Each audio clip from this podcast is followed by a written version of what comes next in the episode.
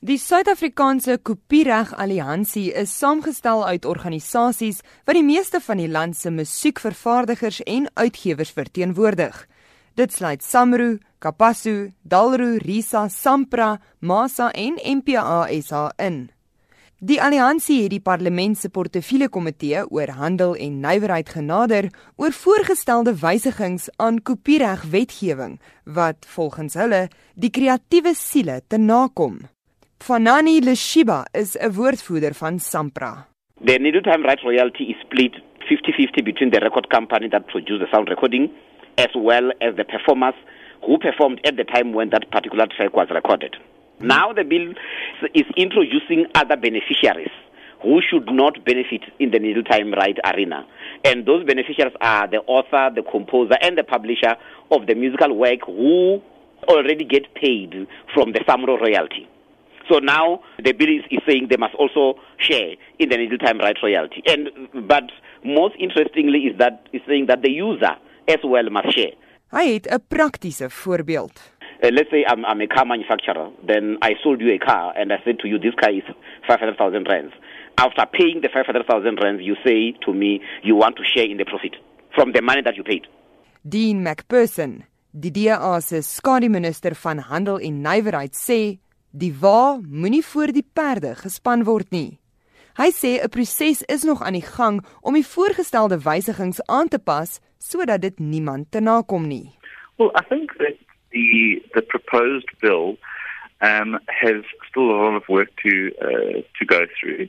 Um we've just only held a, a number of workshops uh, on the bill and next week we start public hearings um on on the proposed bill. I think there's a number of concerns that exist, um, and uh, some of them relate to the use of uh, educational books.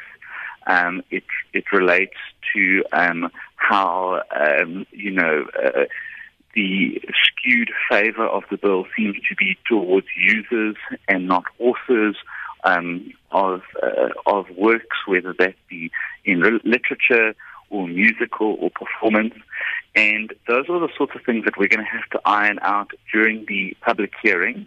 And then once the committee actually sits and starts going through the bill line by line.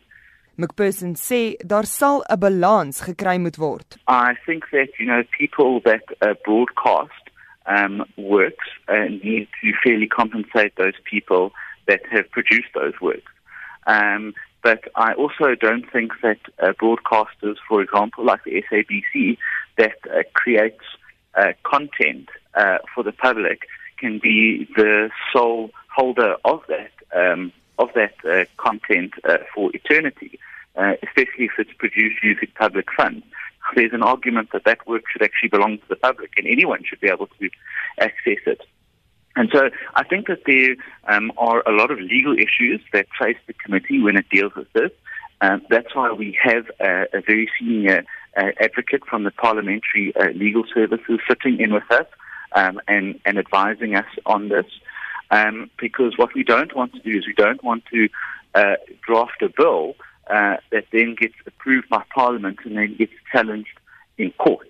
Die portefeulje komitee vergader weer eerskomende week en dan word openbare deelname verwelkom. Dan word die wetsontwerp hersien en aangepas. Daarna word daar gestem oor die voorstelle en dit word na die nasionale vergadering gestuur waar dit goed of afgekeur sal word. Leshiba doen 'n beroep op alle kunstenaars en kreatiewe skeppers om deel te neem aan die openbare proses om te keer dat die voorgestelde wysigingswetsontwerp net so goedgekeur word. We have already started engaging them. Um, if you visit the Samro Facebook page, you will see some of the videos that have been posted where uh, perform, uh, uh, uh creatives are complaining about the provisions of the act. And secondly, uh, there is a petition that is being that is going that is being circulated, and we are encouraging as many creative people as possible to sign that petition.